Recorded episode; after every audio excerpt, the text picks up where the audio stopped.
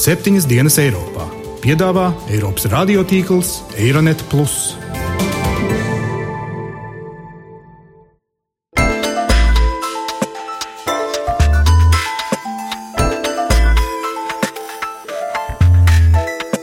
Šonadēļ septiņas dienas Eiropā dzirdēsim. Jo ne jau Dievs gāja un lika mums Briseles lidostā, tie bija cilvēki, kam bija kaut kāda perversa ideja par to, ko nozīmē islāms, ko nozīmē vispārīga ticība.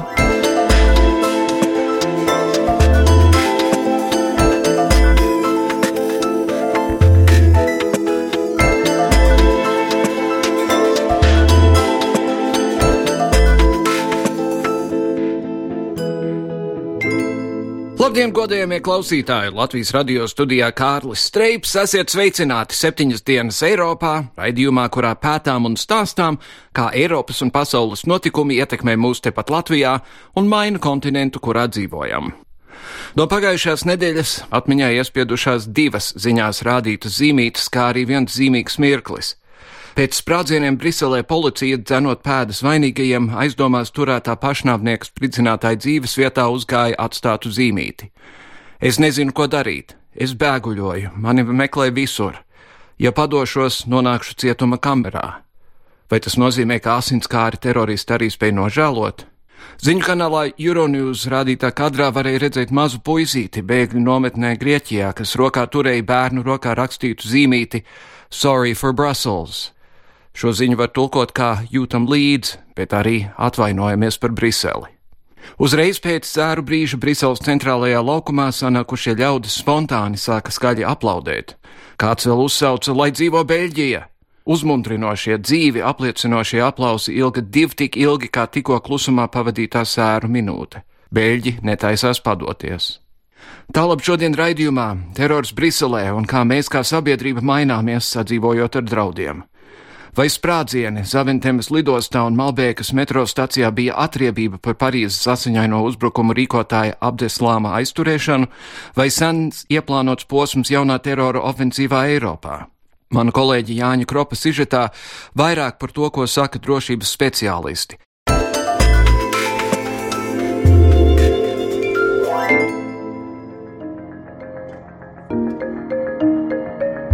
Klusās nedēļas skaļais satricinājums Briselē radījis kārtējos jautājumus par terorismu izplatību pasaulē. Pat ja sociālajos tīklos mēdz atgādināt, ka rietumu mēdīji ļoti asi reaģēja uz uzbrukumiem savās mājās, ignorējot ļoti smagos teroristu uzbrukumus tuvo austrumu valstīs, jebkura veida uzbrukums tomēr prasa skaidrojumu. Viena no pēdējo gadu svarīgākajām diskusijām ir saistīta ar teroristu taktikas analīzi. Ja mēs saprotam viņu uzvedības loģiku, tad varam paredzēt arī viņu tālāko darbību. Taču tā taktikas analīzē eksperti alaži nošķir divas lietas. Viena ir saistīta ar īstermiņa draudiem, kas ir kaujinieku uzbrukumi, un ilgtermiņa draudiem, kas atkal ir teroristu organizāciju spēks un to mērogs. Kaujinieku taktika patiesībā ir vienkārša. Vai nu mēģināt izplānot ļoti sarežģītus un precīzu aprēķinu teroraktus, kādi bija 11. septembrī Amerikas Savienotajās valstīs, vai arī brutāli paņemt šaujamieroci un noslaktēt pēc iespējas lielāku cilvēku skaitu teātrī, restorānā, pludmalē vai metro stacijā. Šajā gadījumā lielākās diskusijas allaž raisa teroristu organizāciju spēja sevi maksimāli leģitimizēt. Īru žurnālists Patriks Kokbērns ir gadiem ilgi pētījis notikumus tuvajos austrumos un kādā paneļa diskusijā viņš vēl pirms Briseles notikumiem norādīja uz islāma valsts jeb daīšu spēju sevi pasniegt kā kaut ko pārnacionālu. Skaidrs, kā pat nosaukums liecina, šī kustība vēlas pretendēt uz valstisku statusu. Manuprāt, Daesh ir lielākais drauds, kāds jebkad no arābu pasaules nācis. Šī organizācija ir krietni ietekmīgāka par to pašu Osamas bin Ladena vadīto Al-Qaida. Un savā ziņā rietumu politiķiem ar Al-Qaidu ir bijis vieglāk cīnīties, jo tā ir maza organizācija ar centru kaut kur Pakistānā, tālu prom no rietumu pasaules. Un politiķiem patīk tādi draudi, jo tie palielina viņu autoritāti. Savukārt Islama valsts, jeb Daesh, ir ievērojami lielāka organizācija. Tāpēc ar to ir grūtāk cīnīties. Kāpēc jaunie kaujinieki pievienojās šai organizācijai? Tāpēc, ka Daesh rada priekšstatu par iespēju atbildēt rietumniekiem. Viņi vadās pēc vardarbības principa. Izdara kaut ko mums, un mēs izdarīsim kaut ko briesmīgu ar tevi pašu. To lieliski apliecina viņu rituālā slepkavošana un starptautiskie uzbrukumi. Daesh spēja atbildēt kā organizācija. Kaut kas tāds, ko Al-Qaida nevarēja. Tas arī ir iemesls šīs kustības popularitātei. Jo tāpat kā rietumos, arī islāma radikāļiem ir jāparāda saviem atbalstītājiem, mēs cīnāmies. Mūsu pretinieks nāk pēc mums, un mēs spējam atbildēt. Sanāk tāda pārspīlēta un pārprasta spēka demonstrācija. emphasizing, indeed exaggerating their strength. Kaujinieku galvenais uzdevums tomēr ir radīt bailes, tāpēc arī uzbrukumi notiek publiskās vietās, kā to sauc eksperti, trāpīt pa maigajiem mērķiem, cilvēkiem, kuri sevi nespēja pasargāt. Ja kaujas laukā krīt karavīrs, savā ziņā tās ir saprotamas sekas riskam, ar ko ir rēķinājušies bruņotie spēki, bet ja mirst nevainīgs ar politiku vai karu nesaistīts cilvēks, tad tas seja bailes. Un šeit jau parādās reālā taktika. Teroristu organizācijas arī analizē savus ienaidniekus tieši šī iemesla iemesla dēļ bijušais pretterorismu vienības Omega komandieris Juris Grabovskis Latvijas televīzijai atzina, ka cīņā ar pašnāvniekiem nav vietas diskusijām un nomierināšanas politikai. Pretterorisma operācijas prasa brutālu atbildi un tūlīt pat ar demokrātiskām metodēm var darboties nu, teiksim, pret kaut kādu noziedzību, tekošo, pret kaut kādu narkomāniju, bet pret terorismu nevar ar demokrātiskām metodēm darboties. Viņi nesaprot to, viņi nedzird mūs. Izskaidrot viņus, ļoti grūti un sarežģīti. It īpaši viena no teiksim, tādiem apgrūtinājumiem drošības struktūrām tas ir tas, ka tās grupas ir maziņas. Viņas izskaitot, viņās iefiltrēties nav iespējams. Un viņu ir daudz to teroristu, bet viņi ir mazās grupiņās sašķelti. Jā, viņi zina tikai 5, 10 cilvēkus, nu, varbūt tur druskuļi vairāk. Pārējie nezina, ka viņi ir teroristi, jā, bet katram ir sava grupiņa, un, un viņus saganīt un izskaidrot vienkāršām metodēm ir ļoti sarežģīta. Tikai pa karstām pēdām pēc notikumiem jau. Ar to likumdošanu, kas viņiem ir un mums ir, mēs nevaram stāties šiem cilvēkiem pretī. Mēs nevaram stāties pašnāvnieku ideoloģijai pretī. Pašnāvnieku nevar atrunāt nomirt. Viņš jau ir nolēms to izdarīt jābūt kaut kādām normām uz aizturēšanu, normām uz izraidīšanu, savādākām normām. Ja cilvēks rada aizdomas, ka viņš ir saistīts ar teroristiem, nevar viņu tagad nedēļām, mēnešiem, gadiem izsekot, lai konstatētu, tā ir vai nav.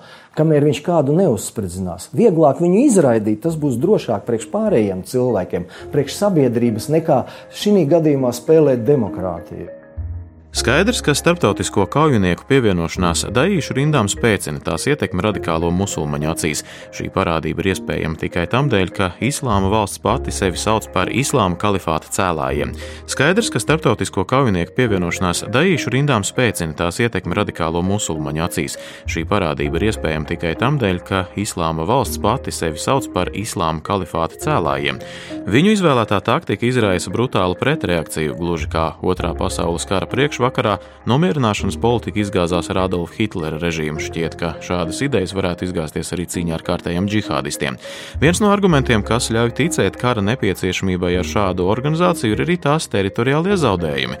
It kā pēc tam, kad iekarotās teritorijas atkal zaudētas, sašķobījusies esot Islāma valsts atbalstītāja pozīcija. Taču pastāv vēl kāda nianse. Alaž uzradīsies kāda traka radikāļu grupa, kura vēlēsies parādīt savu varēšanu lielajai organizācijai.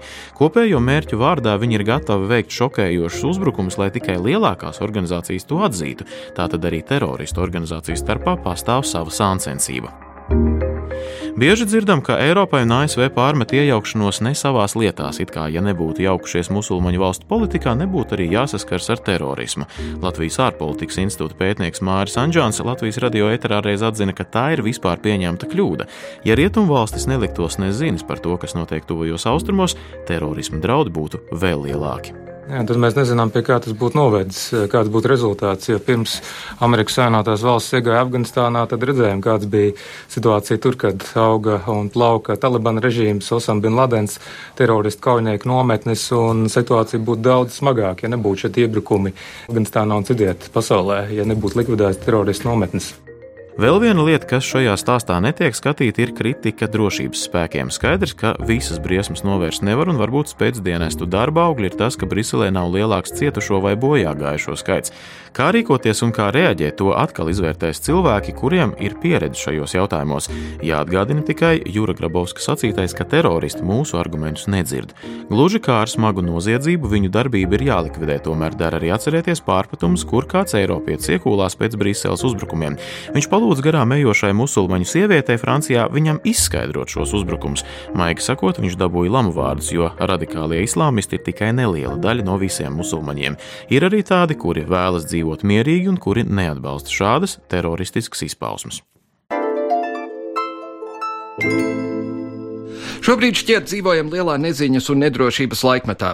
Parunāsim par to, kā aktuālie notikumi un draudi, kā arī krīzes konflikti ietekmē mūsdienu cilvēkus, un uz sarunu studijā esam aicinājuši Anglikāņu baznīcas svētā pestītāja draudzes mācītāju Jānu Jārumu Grīnbergu. Labdien! Labdien Kārli. Šajā laikā, kad no vienas puses ir lieldienu laiks, Jēzus augšām celšanās, no otras puses sprākst bumbas Briselē, ko ticība domā? Ko var domāt? Ticība nav domājoša vienība, teiksim, tādā ziņā, bet ko ticīgi iedomā, tas varbūt ir kaut kas savādāk. No vienas puses man likās, ka, teiksim, tie Briseles gadījumi ir kaut kas vienkārši šausmīgs, tāpat kā gadījumi, kas ir bijuši visā pasaulē. Es kaut kur redzēju grafiku par to, kas ir pēdējā nedēļā vai divās nedēļās, kur ir bijuši sprādzieni, masveida kaut kādas slepkavības. Ir Brisele, protams, bet ir arī Niģērija un Turcija un, un viss šīs vietas, tā kā mums, protams, Brisele ir tuvāk un tādā ziņā mēs to varbūt vairāk izjūtam, bet tas ir visur. Un no vienas puses man likās, ka Ne jau tā, ka tas piestāv klusējā nedēļā, ne tā es to domāju, bet šis ir laiks, kad mēs domājam par ciešanām un par sāpēm, pirms mēs dodamies uz lieldienu prieku, un kaut kā varbūt tāpēc tas tā tieši daudz asāk tā sajūta ir, ka pa spīti visam tam, kas ir bijis, cilvēki vēl ar vienu cieši un vēl ar vienu notiek pasaulē pilnīgas neiedzības, un vismaz mums baznīcā uz tā jēzus sāpju fona, teiksim, izceļās tagad šī cilvēka ciešana. Tas tā kaut kā sāsina visu to, man liekas. Mm. Un vai ir pamatoti teikt, Dievs, kāpēc? Jā, protams, ka ir pamatoti. Dievam var prasīt jebko. Dievs nevienu nenosoda par to, ka tiek jautājums prasīts, par to jau nav šaubu. Protams, tas ir jautājums, ko cilvēki ir centušies jau kopš daudziem gadsimtiem atbildēt kaut kādā veidā. Un būtībā tam nav viena atbilde. Es domāju, kas ir pareizi prasīt dievam, kāpēc. Un iesaistīties dialogā ar Dievu un saviem līdzcilvēkiem par to, kāpēc mūsu pasaule ir tāda, kāda viņa ir šodien, kāpēc šīs neiedzības un tā tālāk. Bet man, un nevis tikai kā kristietim, bet es domāju, ka domājošam cilvēkam liekas, ka vainot Dievu nav pareizais atrisinājums, jo ne jau Dievs gāja un lika mums Briseles lidostā. Tie bija cilvēki, kam bija kaut kāda perversa ideja par to, ko nozīmē islāms, ko nozīmē vispārīga ticība. Faktiski maza novirz, bet mums bija tās diskusijas pie mums anglikāņos par islāmu un rietumu attiecībām pirms kādam divām, trīs nedēļām, kas bija ļoti, ļoti interesanti. Un toreiz Hosams Abu Merī teica kaut ko, kas man ļoti iespaidoja tajā brīdī. Jo visiem viņiem prasīja, kāpēc tas ir, ka islāms ir tāda varmācīga ticība, un taču esot koronā teksti, kas aizstāv to, ka neticīgos kauj un tā tālāk. Un viņš teica, ka ir jāatcerās viena lieta, ka Korāns ir rakstīts 7. gadsimtenī, kad toreizie agrie islāmticīgi tiešām bija kara situācijā, viņi bija konflikta situācijā, un tas ir rakstīts ar tādu fonu, kur ir karš, nemieris, kur viņus mēģina iznīdēt, un tad brīdī rakstīt un teikt, labi, pareizi, jums vajag cīnīties par sevi, par savu esamību, par savām ģimenēm un tā tālāk. Tas ir normāli. 21. gadsimtenī tas vairs nav normāli. Un tie islāmticīgie, kas tādā burtiskā veidā iztulko šos tekstus, es domāju, ka pilnīgi kļūdās. Tas vienkārši nav pareizi. Lai gan, ja tā grib, arī vecajā derībā Bībelē var atrast Protams, aicinājums uz genocīdu būtībā un masu slepkavībām un, un vispārējo. Jā, tieši tā. Tieši tā, bet tas jau ir tas pats. Mēs neesam Izraels tauta, kas mēģina izcīnīt sev geogrāfisku vietu, kur dzīvot pirms 3000 gadiem. Mēs vairs neesam tajā situācijā. Tā šie teksti jau tādā veidā ir jātulko, ka tas ir kaut kas vēsturisks, un ne jau mēs drīkstam tagad iet un slaktēt nost visus, kas mums apkārt, kas atšķirās no mums, ir ticis savādāk nekā mēs. Jā. Tas ir cits konteksts. Tā ironiskā lieta ir, ka tā Izraels tauta, kur gal galā dabūja to savu valsti, to izdarīja tikai pēc tiem 3000 gadu un būtībā pirms kādiem 70 gadiem. Jā, tieši tā. Un, teiksim, visi tie pravietojumi, kas ir vecā derībā par to, ka Izraela būs no jūras līdz upēm, ka efektīvi viņa aizpildīs arī viss, kur tagad ir Sīrija un tā tālāk. Tas jau nekad nav piepildījies. Ne. Izraels teritorija vienmēr bijis daudz mazāk nekā, pa ko iet runa vecajā derībā. Kā, Man vienmēr ir kaut kā licies, ka tad, kad cilvēki rakstīja jauno derību, jaunajā derībā ir ļoti daudz atsauču uz vecās derības pravietojumu. Un man reizēm liekas, ka jaunā derība tika drusku pārkārtota tā, lai, ok, ja esēji teica tā, labi, rakstīsim šitā te. Jā, ir cilvēki, kas tā domā, jā. Nu, ir divi viedokļi. Vai nu ir tas, ka cilvēki paskaties uz Jēzus dzīvi un domāju, nu kā mēs tagad to varam atstāstīt, lai tas sabalsojas ar to, kas vecā derībā ir teikts. Jeb mēs varam ticēt, ka Jēzus dzīvoja un viņa dzīve bija vecās derības pravietojuma piepildījums, un līdz ar to, protams, ka ir šīs atbalses, šīs saskaņas. Es sliecos pie otrā. Jā, es pieņemu, ka, es pieņemu, ka mācītājs liecās pie otrā. Nē, ir mācītāji, kas arī pirmo variantu Jā. domātu, bet nē, tas nav mans viedoklis. Bet tas noved pie jautājuma tomēr par to, cik mēs burtiski to grāmatu uztveram. Mm. Jo katrā gadījumā nebija laiks, kad cilvēki dzīvoja līdz 800 gadiem, un nekad nebija plūdi, kas pārpildīja visu pasauli. Un tad ir jautājums, ko mēs no tā visa ņemam prom. Saprotiet, viena lieta ir tas, ka Bībele jau nav viens dokuments, kas ir kāds ir apsēdies un pierakstījis. Un es domāju, ka es arī nedomāju tā, ka Bībele ir, teiksim, Dieva diktēta ka tas ir dokuments, ko Dievs kādam ir burtiski vārdu pa vārdām iedevis, jo tas jau. Kāds bija sekretāri tādā gadījumā? Jā, cilvēki būtu bijuši sekretāri pirmkārt. Un otrkārt, dokumentāli mēs zinām, ka ir ļoti daudz versijas un tulkojumi, un nav jau viens definitīvs manuskripts, kas ir, kur mēs varam zināt, ko tad tieši Dievs būtu teicis kādam mm -hmm. cilvēkam. Bet es ticu, ka Dieva vārds tur ir, un ka tas ir Dieva iedvesmots, un ka Dieva gars vadīja tos cilvēkus, kas veidoja Bībeles tekstu. Tas man liekas ir nepārprotam citādāk. Es nezinu, kāpēc mēs vispār ņemt vērā Bībeli vairāk kā jebkur citu grāmatu, vai ne? Cilvēkiem ir nepieciešams izskaidrot kur viņi dzīvo, kā viņi dzīvo, kādas ir viņas, viņu attiecības ar Dievu, ar pārpasaulīgo, ar, ar līdzcilvēku, ar dabas katastrofām un tā tālāk. Un ieklausoties Dievā un saprotot to, kā Dievs viņam to visu skaidro vai kā viņi tiek inspirēti saprast. Nu, tā arī ir radusies Bībele, vai ne? Toties ir arī daļas, kas ir vēsturisks, protams, kas vienkārši ir vēsturisks atstāstījums, ķēniņa grāmatas, piemēram. -hmm un tā tālāk laiku grāmatas, kur ir vienkārši vēsturisks atsāstījums lielākoties par to, kāda Izraels vēsture bijusi. Un tā, tā kā ir jāsaprot, ka nav jau, nav jau tas viengabalains kaut kas, vai ne? Vēl, vēl jau vairāk, ja mēs zinām, ka pirmajos gadsimtos pēc Kristus nāves tie, kas bija pie teikšanas Romas katoļu baznīcā, būtībā sijāja cauri entākos mm. dažādos dokumentus. Par mm. to ir jau visādi evaņģēlī blakus tiem četriem, kur gal galā jā, nonāca pēdējā jā. variantā. Un tur tas ir jautājums, vai nekam tic, vai domā, ka tas bija, bija kaut kāda, nu, efektīva cenzūra, koncilija cenzūra, ka nolēma, ka šī ir tā ticība, ko mēs tagad pielasām klāt, lai atbalstītu mūsu variantu no ticības, jeb atkal, kā man gribētos teikt, ka svētais gars tomēr vadīja cilvēkus izvēlēties tos dokumentus, kas atbilda topošajai kristiešu baznīcai un atbild tam, ko Dievs gribēja cilvēkiem pateikt. Un ne jau veltīgi, tāpēc Bībele ir izveidojusies par grāmatu, kur uzskata par bīstamu. Hmm. Tāpēc, ka tur ir kaut kas daudz vairāk iekšā nekā tikai dzējoļi vai daļa literatūra vai vēsturisks kaut kas. Tur ir, tur ir dzīvais dieva vārds iekšā, un līdz ar to tas ir kaut kas bīstams, ja tu ar viņu sastopies. Tas nav tā, ka vienkārši tu vari lasīt un nepārveidoties, mm -hmm. man mhm. liekas, Vai, netapt pārveidotam. Ja ļoti, ļoti burtiski uztver to, ko Jēzus teica, tad vidējais cilvēks jutīsies ļoti neērti. Jā, tieši tā.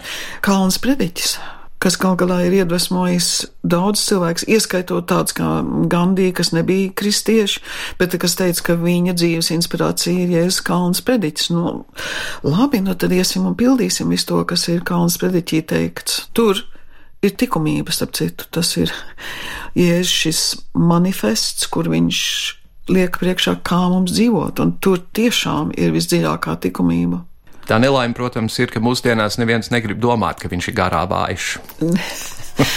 Jā, vai arī gaida svētīts. nabadzīgs, vai Garā nabadzīgs, tas, nā, tas mums liekas, man tas tāds kā, bet tanī brīdī, kad tu saproti, ka tu esi garā nabadzīgs, ka tu esi bezspēcīgs Dievu priekšā, tā ir atbrīvošana, tas ir tas brīdis, kad tu vari sākt saprast un veidoties un augt. Mm Mhm. -hmm. Kamēr tu pastāv uz savu, es esmu stiprs un spēcīgs un visu varu, tad jau nekas ar tevīm nenotiek. Lai gan no otras puses teikt, es tagad pilnīgi atdodu savu dzīvi Dieva rokās un vairs mm. neesmu pats par sevi atbildīgs, tas arī nav.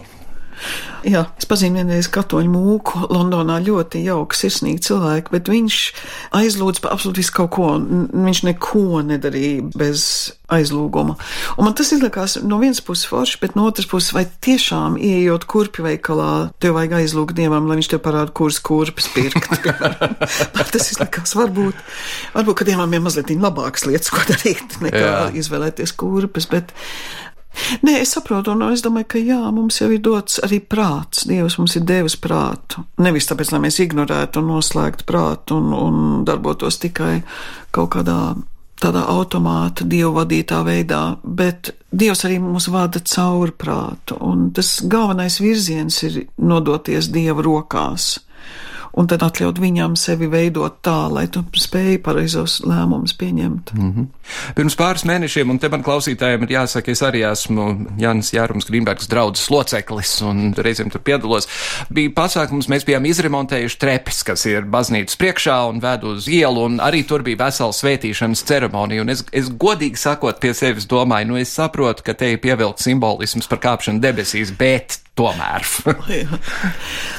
Zini, es domāju, ka simbolika ir ļoti svarīga baznīcā. Tomēr es neesmu tikai intelektuāļi. Un tajā gadījumā jau arī bija tas zemteksts tāds, ka mēs bijām tiešām, tas bija garš process, un tas bija diezgan liels mocības ar visām instancēm un celtniekiem un atļaujām un kļūdām un tā tālāk. Un tad, kad beig beigās varējām atklāt tās trepas, un viņas bija skaistas un labas, un tas ir kaut kas tāds, Ja kāds iet garām, ienākiet pie mums, redzēsiet, no 11. novembra krastmalas iet tagad trepas augšā un visu laiku vedās skats augšā uz baznīcas torni, mm -hmm. tā kā tās trepas ir tādas, viņas ir ļoti simboliskas faktiski, jo tas ir tāds kāpiens augšā pret debesīm.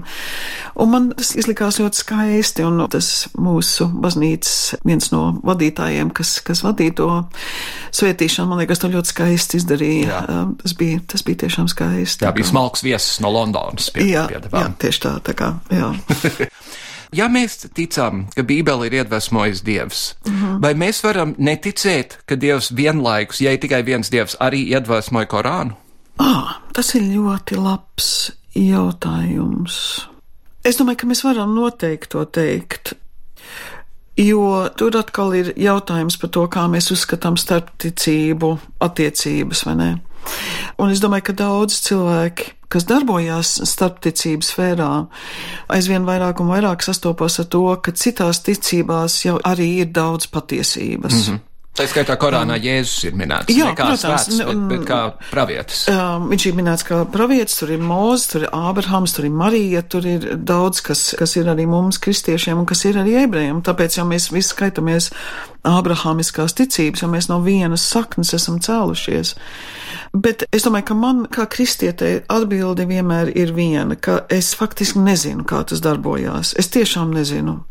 Vienīgais, ko es varu teikt, ir tas, ka priekš manis Bībelē ir patiesība, ka Bībelē ir Dieva vārds, ka Bībelē es sastopu Jēzu, ka priekš manis tas ir viss, kas ir vajadzīgs. Un tas ir tas, ko es gribu pasaulē prezentēt. Tā ir cilvēka izvēle. Viņi var to pieņemt, viņi var to nepieņemt, viņi var uzskatīt, ka man vienkārši nav taisnība un ka es nepareizi par to domāju. Bet es nebūšu tas cilvēks, kas ies un teiks, musulmaņi slikti, ka ebrejiem nav taisnība, visiem ir jākonvertējās kristiešu ticībā, jo arī svētais Pāvils vēstulē romiešiem ilgi apcer to, kāds ir attiecības starp ebrejiem un kristiešiem, ka mēs esam visi no viena koka no viena stāda, un ka faktiski kristieši ir jaunais potējums uz vecu stādu, vai ne? Un viņa lūkšana ir tāda, ka mēs visi beig beigās nonākam Dievu rokās. Nu, viņa laikā vēl nebija musulmaņi, kā viņš būtu skatījies uz viņiem. Tas mēs neuzņemos minēt, bet. Toties bija romieši, bija ar jā, saviem dieviem. Un... Tieši tā, un, bet tas bija kaut cits, to, tos viņš noliedz kā jā. iespējām ceļu uz patiesību. Bet, piemēram, man ir vienmēr licies, ka latviešu tautas dziesmās, es nedomāju, ka tā ir ticības sistēma, tur nav diezgan par eksistenciāliem jautājumiem, lai izskaidrotu, teiksim, kaut kādas dzīves krīzes un lai veidot tādu vispārēju domāšanas tādu vienotu domāšanas pamatu, ticības pamatu, bet tur ir daudz, kas ir vietas un gudrs un kas māca mums, kā pareizi dzīvot. Nu, nu, tas ir nenoliedzami, un to arī nevajadzētu noliegt, man liekas, un izlikties, ka ārpus mums nav nekādas patiesības. Nu, jā. un viena lieta, ko klausītāji derētu atcerēties, man liekas, mums visiem no tās dienas, kad viņš piedzima līdz tai dienai, kad viņš nomira, Jēzus Kristus bija ebrejs. Jā, tieši tā, jā. jā pēc augšām celšanās varbūt kaut kas cits. Bet... Nē, es domāju, ka viņš bija iebrejs. Viņš bija arī pēc augšām celšanās. Es domāju, nekur nav teikts, ka viņš mainījās. Mm. pēc tam kaut kādā veidā. Jā, ir tas, ka mums ir jāsaprot viss tas lielākais konteksts. Un šajā kontekstā mēs varam tikai stāvēt par to, kas mums ir īsts un patiess un kam mēs ticam. Un es esmu kristietis, visiem to stāstu, protams, un es runāju par Kristu. Pārējais ir Dieva rokās. Es nevaru teikt, kā tas būs nākotnē, protams. Nu, jā.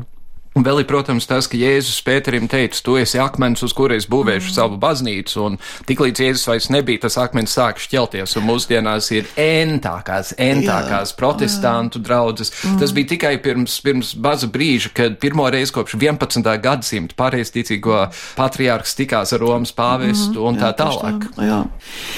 Tieši tā, un tas jau ir tas jautājums, ka ir ļoti interesanti, ka tieši 20. gadsimtenī, kas bija tik ļoti varmācīgs gadsimts, kad bija tik ļoti daudz upuri, kāri, terori, un ne jau tikai Pirmais un Otrais pasaules karš, bet ļoti daudz citu palspots, Kampučē un tā tālāk, Murks, ka tieši tajā gadsimtenī bija tā, ka sāka atkal baznīcas kontaktēties un pārstāja vienotru apkarot lielākoties, sadarboties ekumeniskajā pasaulē un, un veidot ekumeniskas struktūras, atkal pietuvināties. Es domāju, ka tas mēs neatgriezīsimies pie tā, kas bija pirmajā gadsimtā, kad bija viena vienota baznīca tādā ziņā, bet, bet Dievs jau ir viens un Kristus miesa ir viena gribot, negribot, mēs esam daļa no vienas miesas. Un, jo vairāk mēs varam sadarboties un būt kopā, jo labāk tas ir, protams, ar visām dažādībām. Vai tu tici, ka pienāks tā diena, kad Jēzus atgriezīsies uz pasaules? Jo man tādā gadījumā ir jautājums, ko viņš te darīs. Vai selfijas taisīs, vai. Nē, viņš netaisīs selfijas, Kārli.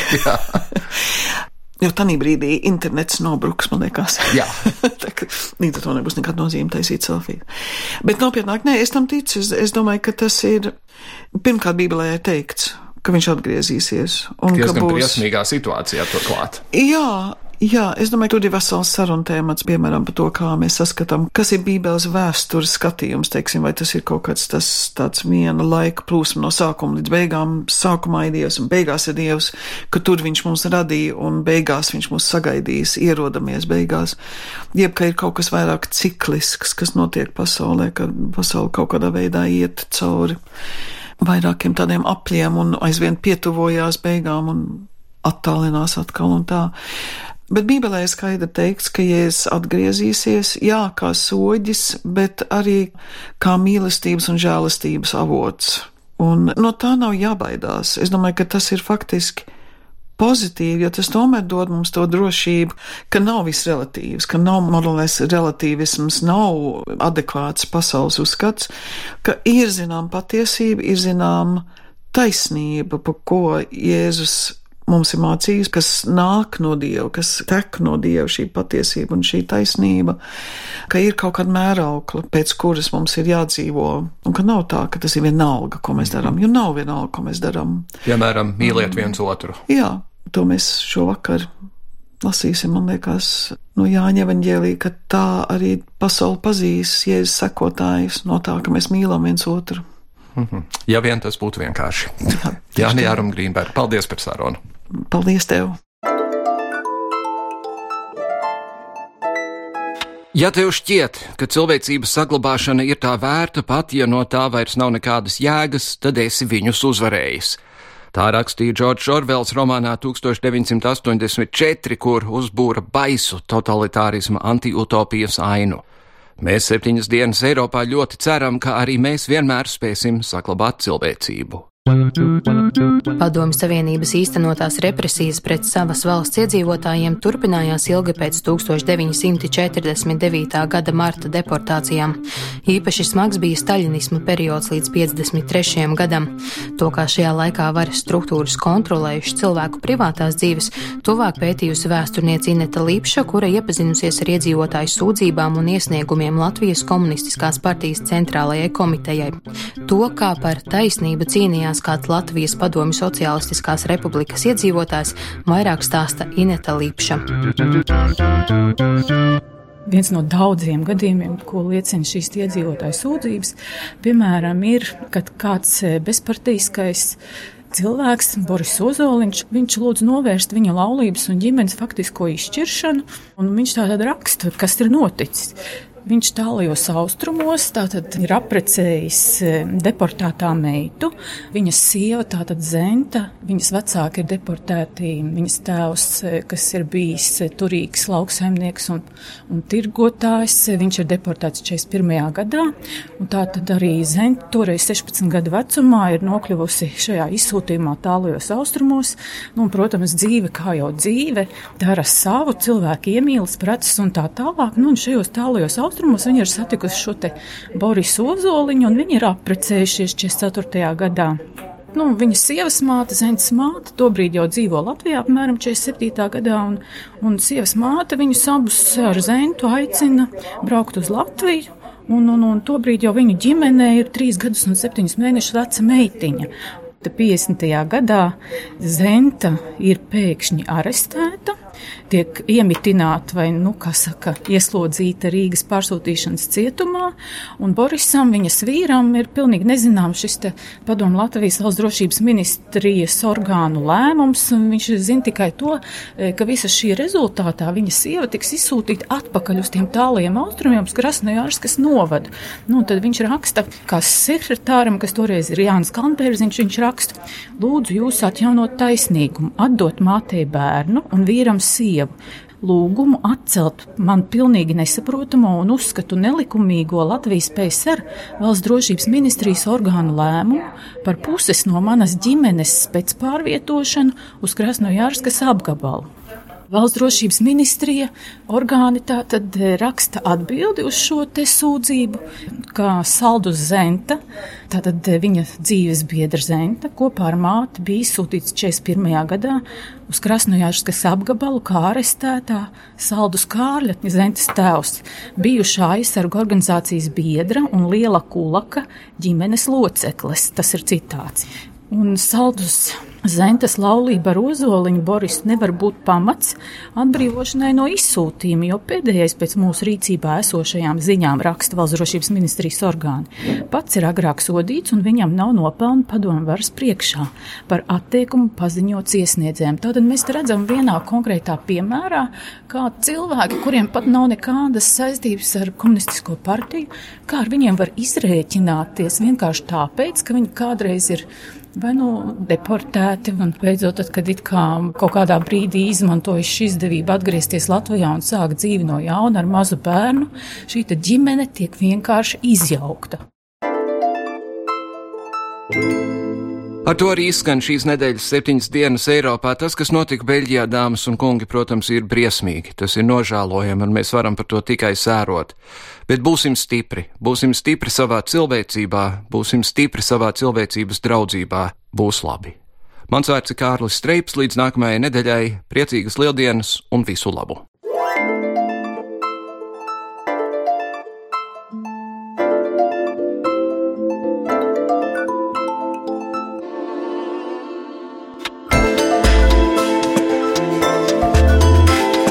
Raidījumu veido Kārlis Streips, Ieva Valēne un Jānis Krops.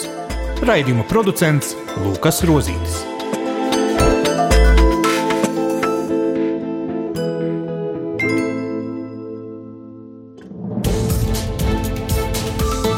Visus Eironet plus sižetus un raidījumus meklējiet Latvijas radio mājaslapā.